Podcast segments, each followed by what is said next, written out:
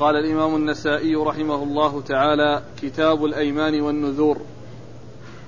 قال أخبرنا أحمد بن سليمان الرهاوي وموسى بن عبد الرحمن قال حدثنا محمد بن بشر قال حدثنا سفيان عن موسى بن عقبة عن سالم بن عبد الله بن عمر عن ابن عمر رضي الله عنهما أنه قال كانت يمين كانت يمين يحلف عليها رسول الله صلى الله عليه وآله وسلم لا ومقلب القلوب.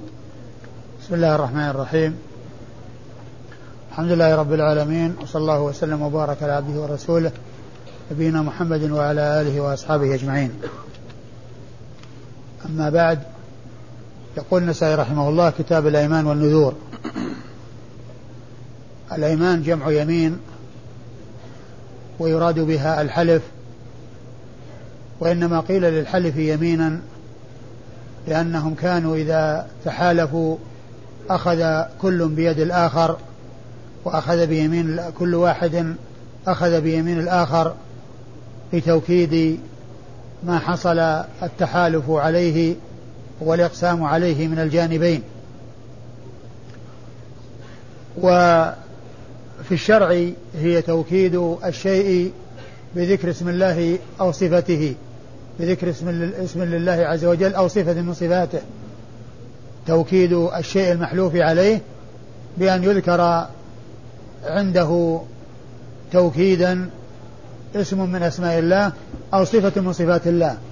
اسم من أسماء الله بأن يقول والله والرحمن والرحيم أو صفة من صفات الله كأن يقول وحياة الله وعزة الله وجلال الله وكبرياء الله وغير ذلك.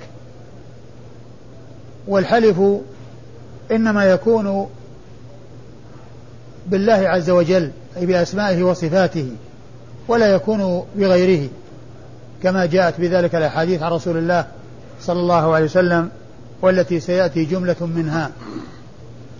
وأما النذور فهي جمع نذر. وقيل في تعريفها أي تعريف النذر إيجاب ما ليس بواجب لحدوث أمر إيجاب ما ليس بواجب لحدوث أمر. يعني كل إنسان يوجب على نفسه أمرا ليس بواجب عليه إذا حدث أمر من الأمور بأن يقول إن شاف الله مريضي فلله علي كذا وكذا. فهو يوجب على نفسه شيئا بحدوث أمر من الأمور أي أن النذر متعلق بحدوث شيء. واليمين لا ينبغي امتهانها والتساهل فيها والإكثار منها بل الإنسان يعظم اليمين بالله عز وجل ولا يأتي بها إلا عند أمر يقتضيها. أما أن تكون سهلة هينة لا يتكلم الإنسان إلا بيمين ولا يذكر شيئا إلا باليمين فإن هذا من من التساهل باليمين. وقد جاء عن سلف هذه الأمة أنهم كانوا يعودون أبناءهم على عدم الاستهانة بأمر اليمين. كما جاء عن إبراهيم النخعي رحمه الله أنه قال كانوا يضربوننا على اليمين والعهد ونحن صغار. كانوا يضربوننا على اليمين والعهد ونحن صغار.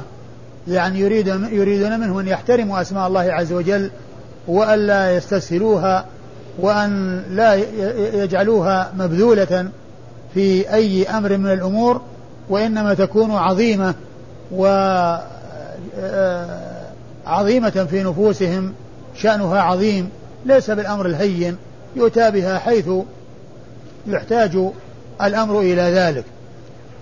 وسواء كان ذلك باستحلاف أو بغير استحلاف لأنه لا يلزم أن تكون اليمين لا تأتي إلا باستحلاف لأن النبي عليه الصلاة والسلام كان يحلف على بعض الأشياء بدون استحلاف.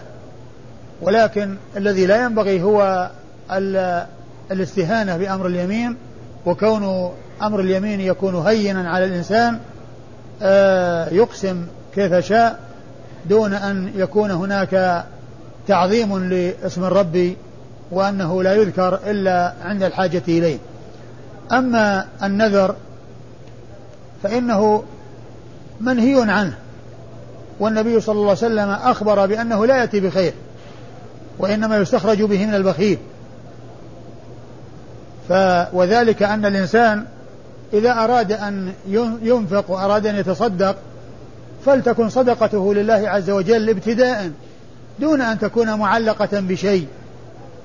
وتعليقها بالشيء يمكن أن يكون هينا على الإنسان عند النذر ولكن عند التنفيذ يختلف الأمر. فتجده يندم ويعني آه، يتلكى ولا تنشرح نفسه ولا ينشرح صدره و آه، باله لتحقيق ذلك الشيء الذي نذره بل يخرج وهو كاره. ولهذا قال عليه الصلاة والسلام إن النذر لا يأتي بخير وإنما يستخرج به من البخيل. البخيل يلزم نفسه بشيء ثم يلزمه الوفاء. وهو إن كان منهيا عنه إلا أنه إذا أتي به تعين الوفاء به إذا كان طاعة وإذا لم يكن معصية. إذا كان طاعة فإنه يتعين الوفاء به ويجب الوفاء به لأنه أوجب على نفسه أمرا ليس بواجب عليه فيجب بسبب إيجابه على نفسه. لكونه أوجب على نفسه ما ليس بواجب عليه لتعليقه ذلك الذي أوجبه بحدوث أمر. وإذا حدث الأمر وحصل الأمر بأن يقول إن شفى الله مريضي فأتصدق بكذا فإنه يتعين عليه إذا حصل الشفاء أن يخرج هذا المقدار الذي نذره لله عز وجل. وقد ويأتي في كتب الحديث وكتب الفقه كثيرا الجمع بين الأيمان والنذور يجمع بينها في كتاب واحد. وذلك للتناسب الذي بينها لأن الكل فيها التزام وكل والكل فيها آه، والنذر أيضا يعني في بعض أحواله تكون الكفارة كفارة يمين. النذر كما جاء في بعض الأحاديث تكون آه، الكفارة فيه كفارة يمين. ففيه تناسب وتشابه بين الأيمان والنذور ولهذا يجمع العلماء بين هذا وهذا في كتاب واحد كما فعل النسائي. حيث قال كتاب الأيمان والنذور وكما فعل البخاري وغيره وغيرهما من أهل العلم في كتب الحديث وكتب الفقه. ثم أورد النسائي جملة من الأحاديث تتعلق بالقسم بالله عز وجل وما يقسم به. وأقسام النبي عليه الصلاة والسلام تأتي على أوجه منها ما أورده النسائي أولا في أول الباب أول الكتاب أنها كانت يمين رسول الله صلى الله عليه وسلم التي يحلف بها أن يقول لا ومقلب القلوب لا ومقلب القلوب يعني أنه عندما ينفي شيئا فيقول لا ومقلب القلوب يحلف على النفي يحلف على النفي نفي الشيء فكانت يمينه عليه الصلاة والسلام التي آه، يحلف بها أي في بعض الأحوال لا ومقلب القلوب. وهذا يعني آه، آه، فيه فعل من أفعال الله عز وجل كونه يقلب القلوب كيف يشاء ويصرفها كيف يشاء ويحولها من حال إلى حال فينقلها من الهداية إلى الضلالة ومن الضلالة إلى الهداية. والله تعالى يفعل ما يشاء فهو يقلب القلوب كيف يشاء. وقد جاء أن أن القلوب بين أصبعين من أصابع الرحمن. بين أصبعين من أصابع الرحمن. والمقصود آه أن هذه البينية ليس المقصود بها المخالطة والاتصال بل هو من جنس قول الله عز وجل والسحاب المسخر بين السماء والأرض. فالسحاب بين السماء والأرض ولا ولا يلزم من مماسة الأرض ولا مماسة السماء. فكذلك كون القلوب بين أصبعين من أصابع الرحمن يعني لا يلزم منه أن تكون مخالطة وأن تكون يعني آه، متصلة كما أن السحاب الذي يكون بين السماء والأرض يكون ليس متصلا بالسماء ولا متصلا بالأرض. ليس مماسا للسماء وليس مماسا للأرض وإنما يكون بينهما. فهذه بينية لا تقتضي اختلاط واتصال و فهذه يمين رسول الله صلى الله عليه وسلم لا ومقلب القلوب. أورد النسائي حديث عبد الله بن عمر رضي الله تعالى عنهما أن اليمين التي كان يحلف بها رسول الله عليه الصلاة والسلام لا ومقلب القلوب. وأكثر ما كان يحلف فيه النبي صلى الله عليه وسلم بأن يقول والذي نفسي بيده أو والذي نفس محمد بيده. هذا أكثر ما كان يحلف به رسول الله صلوات الله وسلامه وبركاته عليه. والحاصل أن اليمين إنما تكون بالله, بالله عز وجل بلفظ الجلالة أو بصفة من صفاته أو باسم من أسمائه سبحانه وتعالى ولا تكون بغير ذلك. ولا تكون بغير ذلك. لا تكون بأي مخلوق. والله عز وجل بذاته وصفاته بأسمائه وصفاته هو الخالق ومن سواه مخلوق. فمن حلف بالله عز وجل وبأسمائه وصفاته فهو حالف بالله. ومن حلف بغير أسماء الله وصفاته فهو حالف بغير الله. لأن الله تعالى بذاته وصفاته وأسمائه الخالق ومن سواه مخلوق. فالحلف بالله وحده ولا يكون بغيره. والإسناد؟ قال أخبرنا أحمد بن سليمان الرهاوي. أخبرنا أحمد بن سليمان الرهاوي وهو ثقة أخرج حديثه النسائي وحده. وموسى بن عبد الرحمن. وموسى بن عبد الرحمن المسروقي وهو ثقة أخرج حديثه. الترمذي والنسائي وابن ماجه. أخرج حديث الترمذي والنسائي وابن ماجه. عن محمد بن بشر. عن محمد بن بشر وهو ثقة أخرج له أصحاب الكتب الستة. عن سفيان. عن سفيان بن سعيد بن مسروق الثوري الكوفي ثقة فقيه وصف بأنه أمير المؤمنين في الحديث وحديثه أخرجه أصحاب الكتب الستة. عن موسى بن عقبة. عن موسى بن عقبة المدني وهو ثقة إمام في المغازي وحديثه أخرجه أصحاب الكتب الستة. عن سالم. نعم. سالم. عن سالم ابن عبد الله بن عمر وهو ثقة تابعي ثقة من الفقهاء المدينة في فقهاء المدينة السبعة في عصر التابعين على أحد الأقوال الثلاثة في السابع منهم وحديثه أخرجه أصحاب الكتب الستة. عن عبد الله بن عمر ابن الخطاب رضي الله تعالى عنهما صحابي جليل هو أحد العبادلة الأربعة من أصحاب النبي صلى الله عليه وسلم. وهم عبد الله بن عبد الله بن عمر وعبد الله بن الزبير بن الزبير وعبد الله بن عمرو بن العاص وعبد الله بن عباس. وهو أيضا أحد السبعة المعروفين بكثرة الحديث عن النبي صلى الله عليه وسلم والذين هم أبو هريرة وابن عمر وابن عباس وأبو سعيد وجابر بن عبد الله الأنصاري وأنس بن مالك وأم المؤمنين عائشة ستة رجال وامرأة واحدة. قال الحلف بمصرف القلوب. قال أخبرنا محمد بن يحيى بن عبد الله. قال حدثنا محمد بن الصلت أبو يعلى. قال حدثنا عبد الله بن رجاء عن عباد بن إسحاق عن الزهري عن سالم عن أبيه رضي الله عنه أنه قال كانت يمين رسول الله صلى الله عليه وآله وسلم التي يحلف بها لا ومصرف القلوب. ثم ورد النسائي حديث ابن عمر من طريق أخرى وهي أن يمين النبي صلى الله, صلى الله عليه وسلم التي يحلف بها يعني أحيانا لا ومصرف القلوب وهي مثل الرواية السابقة لا ومقلب القلوب تقليب القلوب من حال إلى حال وتصريفها من حال إلى حال كيف يشاء هذا من أفعال الله عز وجل. نعم. إسناد. قال أخبرنا محمد بن يحيى بن عبد الله. أخبرنا محمد بن يحيى بن عبد الله وهو النيسابوري الذهلي وهو ثقة أخرج حديثه البخاري وأصحاب السنة الأربعة. عن محمد بن الصلت. عن محمد بن الصلت المكي وهو صدوق يهم. وهو صدوق يهم أخرج حديث البخاري والنسائي. عن عبد الله بن رجاء. عن عبد الله بن رجاء المكي. نعم. عبد الله بن رجاء المكي وهو ثقة أخرج حديثه صدوق ثقة أخرج. ثقة أخرج أيوه؟ البخاري في جزء القراءة ومسلم وأبو داود والنسائي وابن ماجه. أخرج حديث البخاري في جزء القراءة ومسلم وأبو داود والنسائي وابن ماجه. عن عباد بن إسحاق. عن عباد بن إسحاق ويقال له عبد الرحمن بن إسحاق وهو صدوق أخرج له البخاري في الأدب المفرد ومسلم وأصحاب السنن. وهو صدوق أخرج حديثه البخاري في الأدب المفرد ومسلم وأصحاب السنن الأربعة. عن الزهري. عن الزهري محمد بن مسلم بن عبيد الله بن شهاب الزهري ثقة فقيه مكثر من الرواية وحديثه أخرجه أصحاب الكتب الستة. عن سالم عن أبيه. عن سالم عن أبيه وقد مر ذكرهما. قال الحلف بعزة الله تعالى.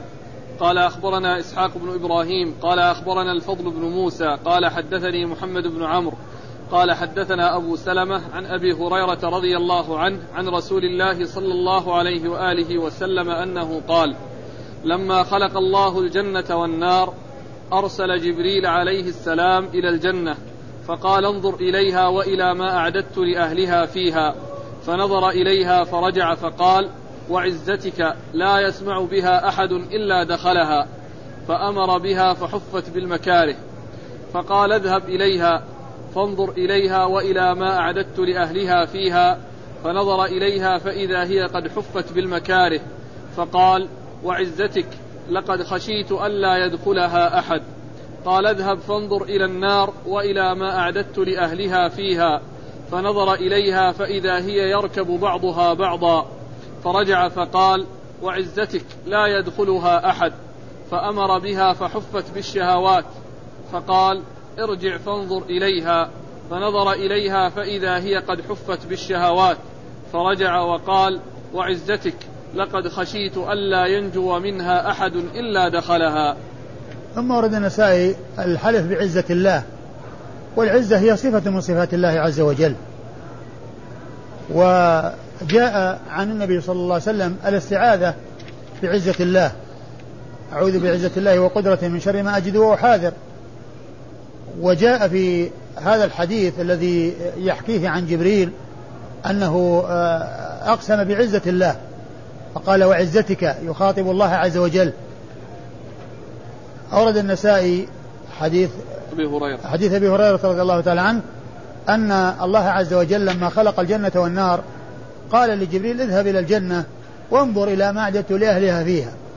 فذهب إليها ورجع وقال وعزتك لا يسمع بها أحد إلا دخلها ما دام إنها على هذا الوصف كل يطمع فيها وكل يحرص عليها ولا يبقى أحد إلا وقد دخلها فأمر بها فحفت بالمكاره. ثم قال له ارجع إليها وانظر إلى ما لأهلها فيها فقال وعزتك لقد خشيت ألا يدخلها أحد.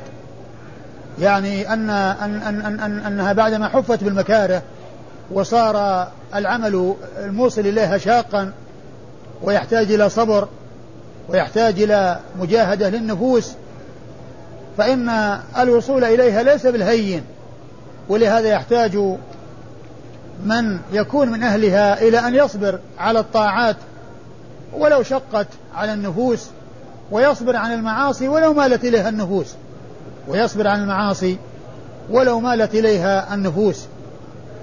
ثم إنه قال له اذهب إلى النار وانظر إلى أعددت لأهلها فيها فذهب وإذا بعضها يركب بعضا من شدة هولها وعظيم آه، ضررها وخطرها. ثم رجع وقال وعزتك لا يسمع بها و... لا, لا يدخلها أحد. نعم. وعزتك؟ وعزتك لا يدخلها أحد. وعزتك لا يدخلها أحد.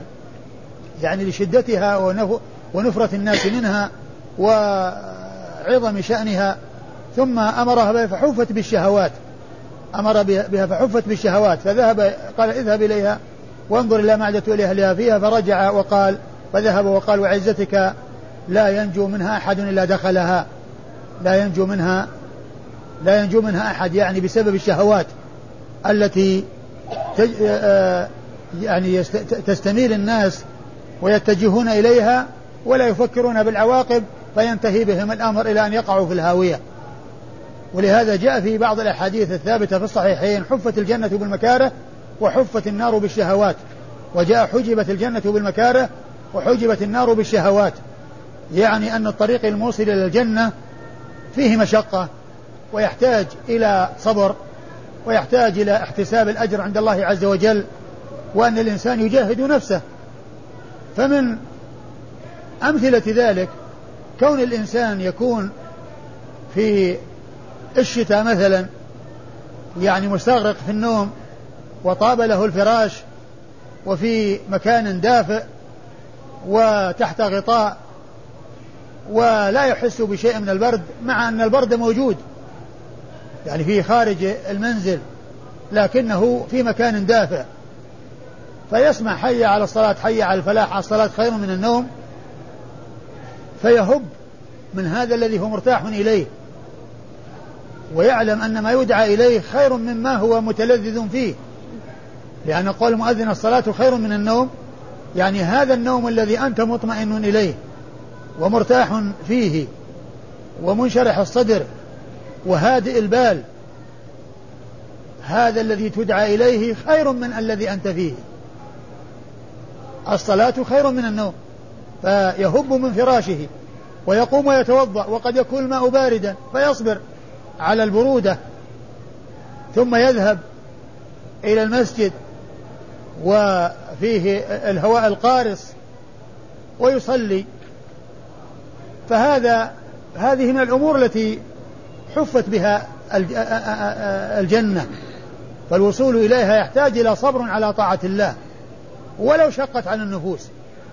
وإلى صبر عن معاصي الله ولو مالت إليها النفوس. لأن كون الإنسان يصبر والعاقبة طيبة وينتهي إلى خير هذا هو شأن العاقل الناصح لنفسه. أما إنسان تحدثه نفسه الأمارة بالسوء بأن يقدم على شيء تميل إليه نفسه ولكن العاقبة وخيمة يفضي إلى الحسرة وإلى الندامة وإلى العذاب. فهذا ليس شأن من يكون عاقلا ومن يكون ناصحا لنفسه ومن يكون يريد الخير لنفسه. فالجنة حفت بالمكاره ليس الطريق إليها مفروشا بالورود والرياحين وإنما فيه التعب والنصب. والإنسان ما دام أن العاقبة حميدة يصبر إلى يصبر على تلك الطريق الموصلة إلى هذه الغاية الطيبة. ولو كان هناك مشقة ولو كان هناك مشقة. أما إرخاء العنان للنفس وتمكينها من ملذاتها مما حل وحرم وكون الإنسان لا يبالي في الإقدام على ما تميل إليه نفسه وهو محرم ثم لا يفكر في العواقب ويوصله الأمر إلى أن يقع في النار وإلى أن يتعرض لعذاب الله وسخط الله ومقت الله فهذا ليس شأن من عنده العقل والإدراك والنصح لنفسه. فهذا حديث عظيم وهو من حديث الترغيب والترهيب. الترغيب بالجنة والصبر على ما يوصل إليها والتحذير من النار والصبر عن الملذات والشهوات التي تفضي إليها والتي حفت بها كما أخبر بذلك رسول الله صلوات الله وسلامه وبركاته عليه.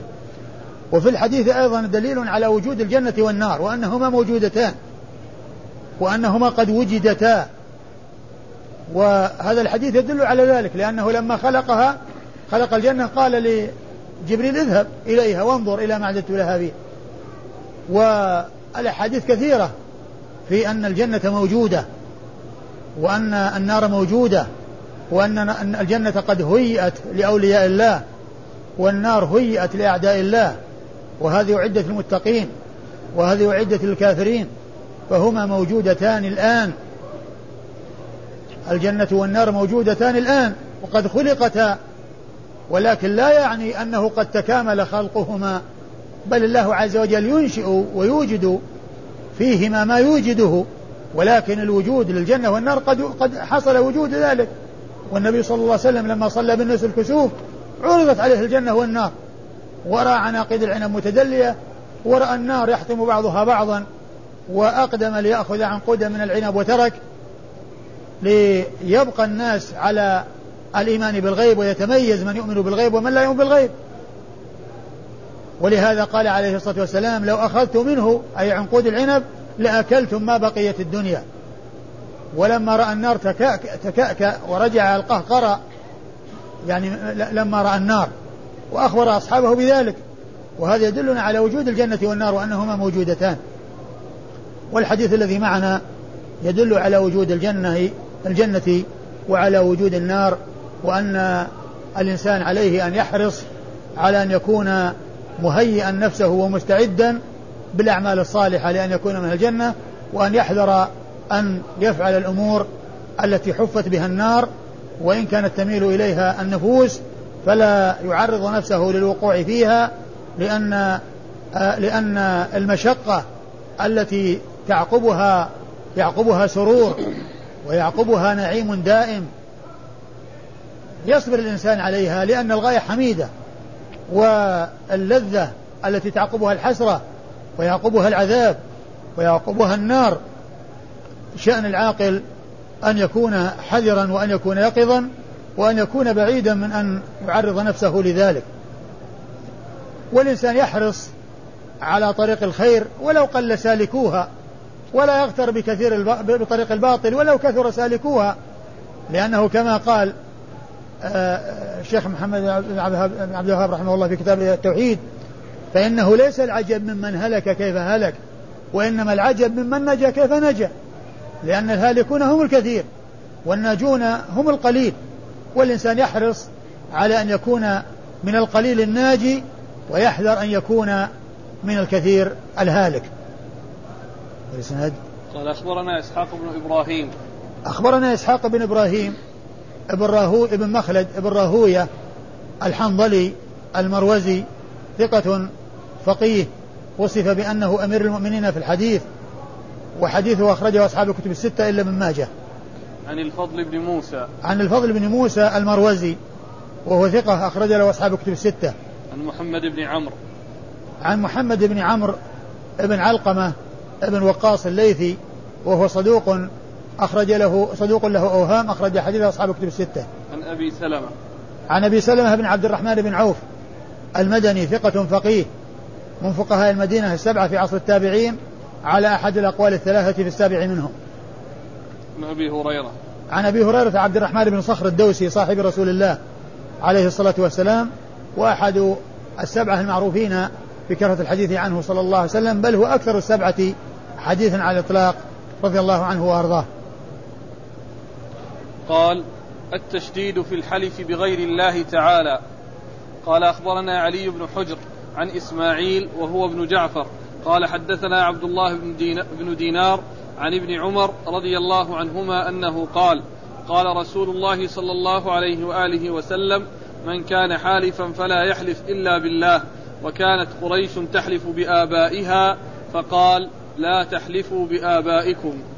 ثم ذكر التشديد في الحلف بغير الله. يعني أن, أن, أن, أن الواجب هو الحلف بالله عند الحلف وأنه لا يجوز الحلف بغير الله. وورد حديث ابن عمر من كان حالفا فلا يحلف إلا بالله. يعني إذا كان لابد من الحلف يعني قوله من كان حالفا يشعر بأن الحلف يعني ما ينبغي آآ آآ الإقدام عليه يعني بتهاون وبتساهل.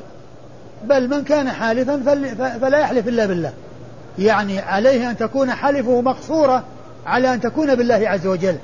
وليس معنى ذلك أنها بلفظ الله وإنما المقصود بالله عز وجل وبأسمائه وصفاته. يعني أنه لا يحلف بغير الله. المقصود من ذلك أن لا يحلف بغير الله. وإذا حلف ب... بالله أو حلف باسم من أسمائه أو بصفة من صفاته فهو حلف به سبحانه وتعالى. وإذا حلف بغير ذلك فهو حلف بغير الله. لأن الله تعالى بذاته وأسمائه وصفاته هو الخالق ومن سواه مخلوق. فيحلف بالخالق بأسمائه وصفاته ولا يحلف بغير الله عز وجل. من كان حالفا فلا يحلف إلا بالله. يعني يجب أن تكون حلفه مقصورة على أن تكون بالله أي بأسماء الله وصفاته. يعني لا يلزم أن يكون بلفظ الله لأن المقصود أن لا تكون بغيره. وإذا كانت بعزة الله وجلال الله وكبرياء الله وعظمة الله وحياة الله وغير ذلك من صفات الله أو والرحمن والرحيم والسميع والبصير والرحيم والغفور والودود وما إلى ذلك فهو كله حلف بالله عز وجل ليس بغيره. لأن الله تعالى بذاته وصفاته الله تعالى هو الخالق بذاته وصفاته ومن سواه مخلوق. فالحلف تكون بالخالق ولا تكون بالمخلوق. فهذا فيه قصر يعني قصر الحلف على أن تكون بالله وحده ولا تكون بغيره. وكانت قريش تحلف بآبائها فقال النبي صلى الله عليه وسلم لا تحلفوا بآبائكم. يعني كون النبي صلى الله عليه وسلم يخص الحلف بالآباء مع أنه عمم بأن الحلف لا تكون إلا بالله ونص على الحلف على النهي عن الحلف بالآباء لأنهم كانوا يحلفون بالآباء. فجاء التنصيص بذكر الآباء لبيان أن الشيء الذي اعتادوه أنهم لا يحلفون به يتركون عادتهم السيئة وهي الحلف بآبائهم. فليس الأمر يعني آه، ذكر الآباء فقط لغير غرض بل هو لغرض وهو أنهم كانوا يحلفون بآبائهم. هذا هو السر الذي جعل النبي صلى الله عليه وسلم يقول لا تحلفوا بآبائكم. مع أنه عمم في الحكم بقوله من كان حالفا فلا يحلف إلا بالله. ومع ذلك نص على بعض أفراد العموم يعني غير الله عز وجل أفراد العموم الذي هو غير الله عز وجل بأن قال لا تحلفوا بآبائكم. مع أنه لا يحلف لا بالآباء ولا الأمهات ولا آه، آه، الملائكة ولا ولا الإنس ولا الجن ولا الملائكة ولا الرسل ولا أي مخلوق من مخلوقات الله عز وجل ولا الكعبة. الحلف لا يكون إلا بالله عز وجل ولا يكون بغيره. نعم. قال أخبرنا علي بن حجر. أخبرنا علي بن حجر بن إياس السعدي المروزي ثقة أخرج حديثه البخاري ومسلم والترمذي والنسائي. عن إسماعيل. عن إسماعيل وهو بن جعفر وهو ثقة أخرج له أصحاب كتب الستة. عن عبد الله بن دينار. عن عبد الله بن دينار وهو ثقة أخرج حديثه أصحاب كتب الستة. عن ابن عمر. عن ابن عمر وقد مر ذكره. قال أخبرني زياد بن أيوب. قال حدثنا ابن علية. قال حدثنا يحيى بن أبي إسحاق. قال حدثنا رجل من بني غفار في مجلس سالم بن عبد الله. قال قال سالم بن عبد الله سمعت عبد الله يعني ابن عمر رضي الله عنهما وهو يقول قال رسول الله صلى الله عليه وآله وسلم إن الله ينهاكم أن تحلفوا بآبائكم. ثم ورد النسائي حديث ابن عمر أن النبي صلى الله عليه وسلم قال إن الله ينهاكم أن تحلفوا بآبائكم. وقد عرفنا السر في ذلك في الحديث الذي قبل هذا وهو أن قريشا كانت تحلف بآبائها فنهى النبي صلى الله عليه وسلم عن الحلف بالآباء. فنهى النبي صلى الله عليه وسلم عن الحلف بالآباء والإسناد قال أخبرني زياد بن أيوب. زياد بن أيوب ثقة أخرج حديث البخاري ومسلم والترمذي والنسائي. البخاري وأبو داود. البخاري وأبو داود والترمذي والنسائي. نعم. البخاري وأبو داود والترمذي والنسائي. عن ابن علية. عن ابن علية وهو, وهو إسماعيل بن إبراهيم بن مقسم البصري ثقة أخرج له أصحاب كتب الستة مشهور بابن علية. عن إسحاق عن يحيى بن أبي إسحاق. عن يحيى ابن أبي إسحاق وهو صدوق ربما أخطأ أخرج له أصحاب الكتب. وهو صدوق ربما أخطأ أخرج له أصحاب الكتب الستة. عن رجل من بني غفار. عن رجل من بني غفار لا أدري من هو. عن سالم بن عبد الله. عن سالم بن عبد الله وقد مر ذكره عن عبد الله وقد مر ذكره لكن كون فيه رجل مجهول لا يؤثر لأن الحديث جاء من طرق كثيرة. عن ابن عمر وهو ثابت عنه بالأسانيد المتصلة وبالثقات المعروفين. المشهورين فوجود رجل في إسناده لا يؤثر على صحته لأنه ما جاء من هذه الطريق وحدها بل جاء من طرق كثيرة. نعم. قال الحلف بالآباء. قال أخبرنا عبيد الله بن, بن سعيد وقتيبة بن, بن سعيد واللفظ له قال حدثنا سفيان عن الزهري عن سالم عن أبيه رضي الله عنه أنه سمع النبي أنه سمع النبي صلى الله عليه وآله وسلم عمر مرة وهو يقول وأبي وأبي فقال إن الله ينهاكم أن تحلفوا بآبائكم فوالله ما حلفت بها بعد ذاكرا ولا آثرا. ثم ورد النسائي حديث ابن عمر آه آه أن أن أن عن عمر رضي الله عنه أنه كان أن عمر رضي الله عنه أن النبي صلى الله عليه وسلم سمع عمر وهو يقول وأبي وأبي يعني يحلف بأبيه يعني على ما كانوا اعتادوه. فالنبي صلى الله عليه وسلم قال لا تحلفوا بآبائكم. لا تحلفوا بآبائكم. يعني وهذا هو السبب في كون النبي نص على الآباء. لأنه لما سمع من يحلف بأبيه قال لا تحلفوا بآبائكم. يعني التنصيص على الآباء له سبب. وكان هذا من عادة العرب أن يحلفوا بآبائهم. فالنبي صلى الله عليه وسلم جاء عنه قوله لا تحلفوا بآبائكم. يعني الحلف لا يكون إلا بالله. لا تحلفوا بهذا الذي أنتم اعتدتوه لا تفعلوه بل اتركوه ولا تحلفوا بآبائكم. ثم قال فوالله ما حلفت بعد ذلك آثرا ذاكرا ولا آثرا. وهذا يعني مشهور عن عمر في الروايات الآتية. عمر هو الذي قال هذا. هو الذي قال هذا. يعني فيكون هذا الكلام قوله فوالله ما هو مأثور عن عمر ونقله آه، عبد الله بن عمر عن أبيه. أن عمر رضي الله عنه من حين سمع النبي صلى الله عليه وسلم ينهاه وقال له لا تحلفوا بآبائكم آه أن أنه ترك ذلك وقال إنه ما كان يفعله أي ما كان يحلف لا ذاكرا ولا آثرا يعني لا فاعلا ذلك من نفسه ابتداء بأن يقول وأبي ولا أن يحكي أيضا واحد حلف بأبيه فقال قال فلان وأبي. يحكي قصة يعني شخص من الناس حلف يقول قال فلان وأبي.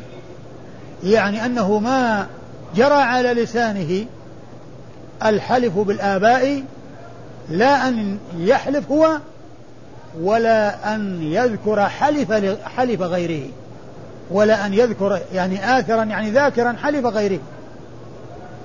وليس المقصود من قوله قوله ما حلفت بذلك ذاكرا ولا آثرا لأن الذي يحكي حلف غيره لا يكون حالفا. الذي يحكي حلف غيره لا يكون حالفا. إذا قلت قال فلان والله كذا ما كنت أنا حلفت وإنما حكيت حلفه.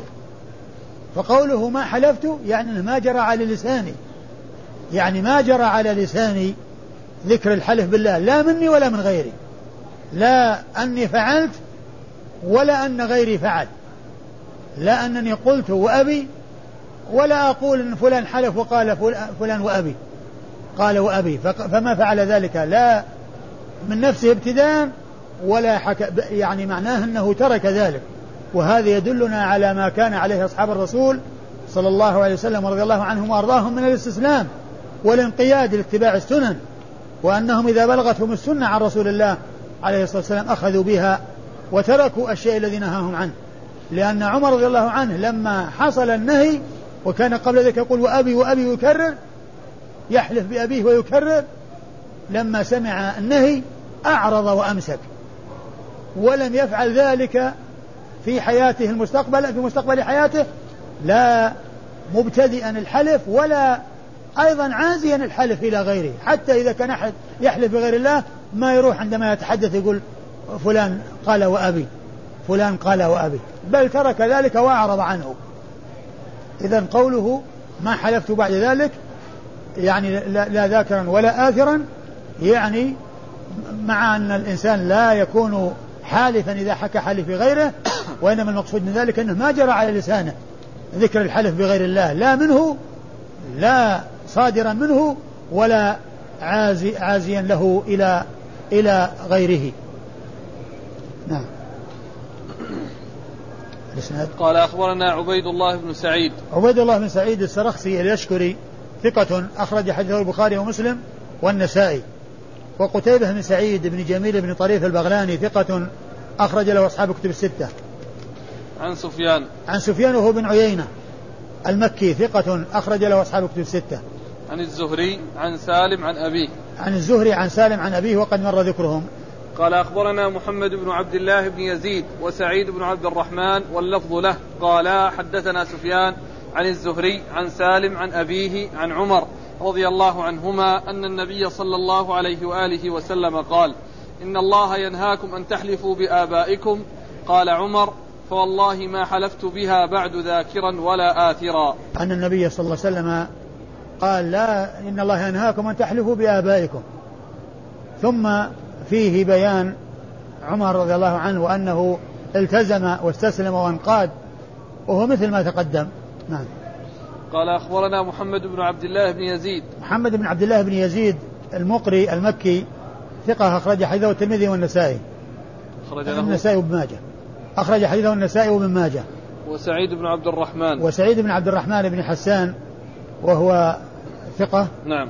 أخرج حديثه الترمذي والنسائي. أخرج حديثه الترمذي والنسائي. عن سفيان. عن سفيان بن عيينة. عن الزهري عن سالم عن أبيه. عن زهري عن سالم عن أبيه. عن عمر. رضي الله عنه عمر بن الخطاب رضي الله عنه أمير المؤمنين وثاني الخلفاء الراشدين الهادين المهديين صاحب المناقب الجمة والفضائل الكثيرة رضي الله تعالى عنه وأرضاه. قال أخبرنا عمرو بن عثمان بن سعيد. قال حدثنا محمد وهو ابن حرب عن الزبيدي عن الزهري عن سالم عن أبيه أنه أخبره عن عمر رضي الله عنهما أن رسول الله صلى الله عليه وآله وسلم قال إن الله ينهاكم أن تحلفوا بآبائكم قال عمر فوالله ما حلفت بها بعد ذاكرا ولا آثرا ثم أخرج النسائي حديث عمر من طريق أخرى وهو مثل ما تقدم. قال أخبرنا عمرو بن عثمان بن سعيد أخبرنا عمرو بن عثمان بن سعيد بن كثير بن دينار الحمصي وهو صدوق أخرج حديثه أبو داود والنسائي بن ماجه. نعم. أبو داود والنسائي وابن ماجه. عن محمد وهو ابن حرب. عن محمد وهو ابن حرب الحمصي وهو ثقة أخرج له أصحاب الكتب الستة. عن الزبيدي. عن الزبيدي وهو محمد بن الوليد. محمد بن الوليد الزبيدي الحمصي وهو ثقة أخرج حديث أصحاب الكتب الستة إلا الترمذي. نعم. أخرج حديث أصحاب الكتب الستة إلا الترمذي. عن الزهري عن سالم عن أبيه عن عمر. وقد مر ذكر هؤلاء الأربعة. قال الحلف بالأمهات.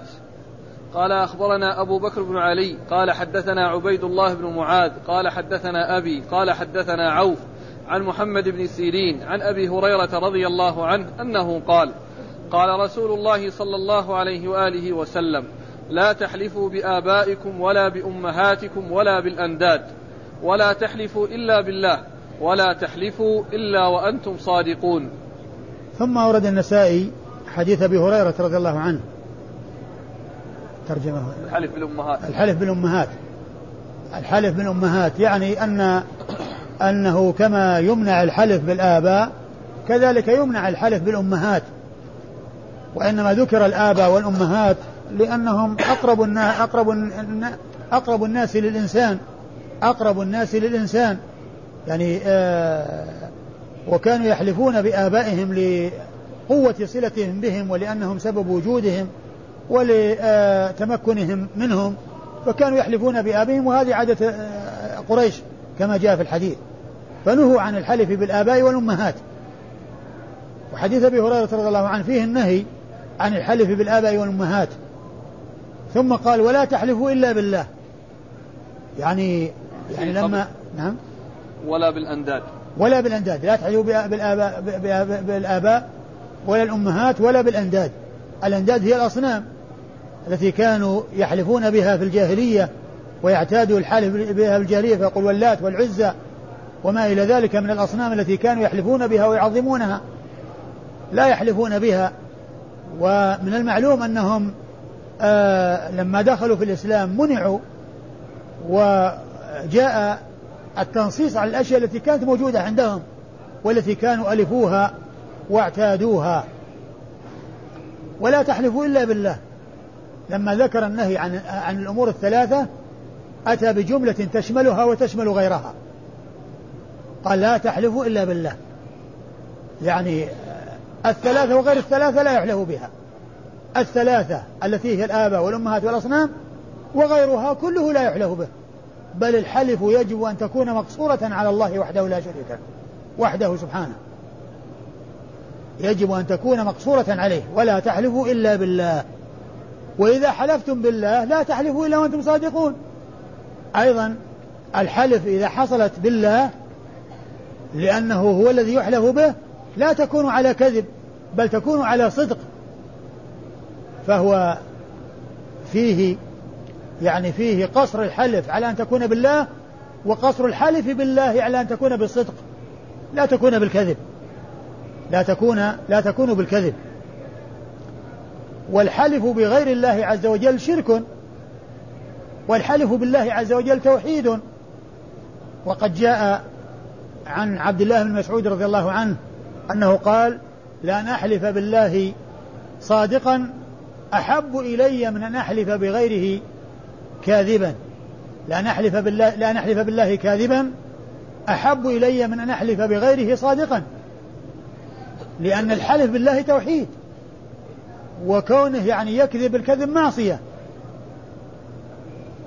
والحلف بغير الله شرك. والشرك يجب الحذر منه.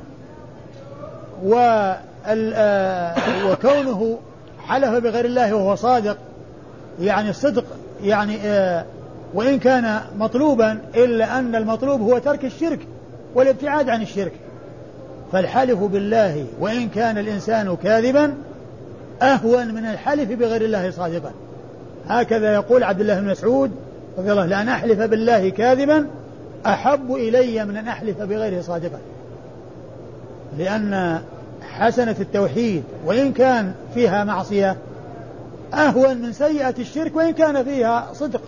قال أخبرنا أبو بكر بن علي. أخبرنا أبو بكر بن علي أحمد أحمد بن علي المروزي وهو ثقة أخرج له النسائي. وهو ثقة أخرج حديثه النسائي وحده. عن عبيد الله بن معاذ. عن عبيد الله بن معاذ بن معاذ العنبري وهو ثقة أخرج حديثه البخاري. ومسلم وأبو داود والنسائي. البخاري ومسلم وأبو داود والنسائي. عن أبيه معاذ بن معاذ العنبري وهو ثقة أخرج له أصحاب الكتب الستة. عن عوف. عن عوف ابن أبي جميلة الأعرابي وهو ثقة أخرج له أصحاب الكتب الستة. عن محمد بن سيرين. عن محمد بن سيرين وهو ثقة أخرج له أصحاب الكتب الستة. عن أبي هريرة. عن أبي هريرة وقد مر ذكره. قال الحلف بملة سوى الإسلام. قال أخبرنا قتيبة. قال حدثنا ابن أبي عدي عن خالد. حاء وأخبرنا محمد بن عبد الله بن بزيع. قال حدثنا يزيد. قال حدثنا خالد عن أبي قلابة عن ثابت بن الضحاك رضي الله عنه أنه قال قال رسول الله صلى الله عليه وآله وسلم من حلف بملة سوى الإسلام كاذبا فهو كما قال. قال قتيبة في حديثه متعمدا. وقال يزيد كاذبا فهو كما قال. ومن قتل نفسه بشيء عذبه الله به في نار جهنم. ثم ورد النسائي هذا اليوم الحلف بملة سوى الإسلام. الحلف بملة سوى الإسلام. يعني أنه أكد الشيء بانتسابه إلى دين غير دين الإسلام. بأن قال هو يهودي إن فعل كذا وكذا أو نصراني إن فعل كذا وكذا أو ما إلى ذلك. يعني معناه يعظم آه، الشيء بانتسابه إلى ذلك الدين وإضافة نفسه إلى ذلك الدين. قال عليه الصلاة والسلام حديث من؟ حديث. ثابت بن الضحاك. حديث ثابت بن الضحاك رضي الله تعالى عنه أن النبي صلى الله عليه وسلم قال من حلف بملة بملة سوى الإسلام. بملة سوى الإسلام. كاذبا فهو كما قال. كاذبا فهو كما قال. يعني أنه يكون من أهل ذلك الدين. وهذا فيه تفصيل لأهل العلم. يقول من حلف بالله بملة سوى الإسلام يعني راضيا معظما لهذا الدين ومستحسنا لهذا الدين فإنه كما قال. أما إذا كان لا يقصد ذلك وإنما يعني قصد استبعاد أن يكون يعني يحصل منه ذلك الشيء الذي أراده فإنه لا يكون آه لا يكون كافرا بذلك إذا كان مقصوده الاستبعاد. ولكن لا يجوز له أن يأتي بهذه الألفاظ الخبيثة والألفاظ القبيحة التي هي كونه يعني آه، آه، يحلف بملة سوى الإسلام. ويضيف نفسه إلى ملة سوى الإسلام. فإذا كان الحلف رضا بذلك الدين وتعظيم له وأنه آآ آه، يريده وأنه أولى من غيره فهذا كفر والعياذ بالله. وأما إذا كان يريد يعني استبعاد يعني حصول ذلك الشيء الذي قاله ولا يرضى به ولا يكرهه فهذا هذا لفظ قبيح ولا يقتضي الكفر ولكن يجب عليه أن يحفظ لسانه منه. الإسناد؟ قال أخبرنا قتيبة بقية الحديث. ومن قتل نفسه بشيء عذبه الله ومن به. قتل نفسه بشيء عذبه الله تعالى به يوم القيامة. وقد جاء في أحاديث كثيرة ما يفسر هذه الجملة. يعني أن أن جاء الذي آه التي حبست امرأة الامرأة التي حبست هرة فعذبت بها في النار. يعني لأنه آه هذا ليس من هذا القبيل وإنما هذا يعاقب بالشيء الذي عمل. لكن من قتل نفسه بسم فإنه يتحساه في نار جهنم. ومن قتل رمى نفسه من شاهق فإنه يعني يهوي في جهنم. وجاء في بعض الأحاديث ما يدل على ذلك وأنه يعذب بذلك الشيء الذي قتل نفسه به يوم القيامة نعم قال أخبرنا قتيبة عن ابن أبي عدي قتيبة مر ذكره عن ابن أبي عدي وهو محمد بن إبراهيم ابن أبي عدي ثقة أخرج له أصحاب الكتب الستة. عن خالد. عن خالد الحذاء خالد بن مهران الحذاء ثقة أخرج له أصحاب الكتب الستة. وإنما لقب الحذاء لأنه كان يجالس الحذائين وليس منسوبا إلى إلى بيع الأحذية ولا صناعتها ولكن كان يأتي عند الحذائين ويجلس عندهم فقيل له الحذاء وهي مما يقولون عنه نسبة إلى غير ما يسبق إلى الذهن. لأن ما يسبق إلى الذهن أن من يجلس عند الحذائين يقال له حذاء وإنما الذي يسبق إلى الذهن الذي يصنع الحذاء يقال له حذاء نعم. حا وأخبرنا محمد بن عبد الله بن بزيع. ثم قال حاء وهي تحول من إسناد إلى إسناد. أخبرنا محمد بن عبد الله بن بزيع وهو ثقة. أخرج حديثه مسلم والترمذي والنسائي. أخرج حديثه مسلم والترمذي والنسائي. عن يزيد. عن يزيد وهو بن زريع وهو ثقة أخرج له أصحاب كتب الستة. عن خالد عن أبي قلابة. عن خالد الحذاء وقد مر ذكره عن أبي قلابة وهو عبد الله بن زيد الجرمي وهو ثقة كثير الإرسال وحديثه أخرجه أصحاب كتب الستة. عن ثابت بن الضحاك. عن ثابت بن الضحاك رضي الله عنه وهو صحابي أخرج له أصحاب كتب الستة. قال أخبرني محمود بن خالد قال حدثنا أبو الوليد قال حدثنا أبو عمرو الوليد. قال حدثنا الوليد الوليد هو من مسلم وأبو الوليد هذه غلط أبو أبو زائدة. قال حدثنا الوليد قال حدثنا أبو عمرو عن يحيى أنه حدثه قال حدثني أبو قلابة قال حدثني ثابت بن الضحاك رضي الله عنه أن رسول الله صلى الله عليه وآله وسلم قال من حلف بملة سوى الإسلام كاذبا فهو كما قال ومن قتل نفسه بشيء عذب به في الآخرة. ثم ورد النسائي حديث ثابت بن الضحاك وهو مثل ما تقدم والإسناد. قال أخبرني محمود بن خالد. أخبرنا محمود بن خالد الدمشقي وهو ثقة. أخرج حديثه. أبو داود والنسائي بن ماجه. أخرج حديث أبو داود والنسائي وابن ماجه. عن الوليد. عن الوليد بن مسلم. وهو وهو ثقة كثير التدليس والتسوية وحديث أخرجه أصحاب كتب الستة. عن أبي عمرو. عن أبي عمرو الأوزاعي عبد الرحمن بن عمرو ثقة فقيه فقيه فقيه الشام ومحدثها أخرج حديثه أصحاب كتب الستة. عن يحيى. عن يحيى بن أبي كثير اليمامي ثقة أخرج له أصحاب كتب الستة. عن أبي قلابة عن ثابت بن الضحاك. عن أبي قلابة عن ثابت بن الضحاك وقد مر ذكرهما. قال الحلف بالبراءة من الإسلام قال أخبرنا الحسين بن حريث قال حدثنا الفضل بن موسى عن حسين بن واقد عن عبد الله بن بريدة عن أبيه رضي الله عنه أنه قال قال رسول الله صلى الله عليه وآله وسلم من قال إني بريء من الإسلام فإن كان كاذبا فهو كما قال وإن كان صادقا لم يعد إلى الإسلام سالما. ثم ورد النسائي آه، الحلف. الحلف بالبراءة من الإسلام. الحلف بالبراءة من الإسلام. أورد النسائي حديث بريدة. حديث بريدة بن الحصيب رضي الله عنه. من قال؟ من قال إني بريء من الإسلام فإن كان كاذبا آه لما ذكر النسائي في الترجمة السابقة الحلف بملة سوى الإسلام يعني كل إنسان يضيف نفسه إلى دين غير دين الإسلام إن حصل كذا وكذا. هنا يعني يأتي بعكس ذلك وهو أنه يعني ينص على براءته من الإسلام. يعني أنا بريء من الإسلام إن حصل كذا وكذا. أنا بريء من الإسلام إن حصل كذا وكذا. قال فإن كان فإن كان كاذبا فهو كما قال. إن كان كاذبا فهو كما قال. يعني مثل ما تقدم. وإن كان صادقا لم يعد وإن كان صادقا لم يعد إلى الإسلام سالما. يعني أنه يعني لا بد له من نقص. ولا بد له من من من, من خلل. يعني إذا عاد. نعم. قال أخبرنا الحسين بن حريث. الحسين بن حريث المروزي ثقة أخرج حديث أصحاب الكتب الستة إلا من ماجه.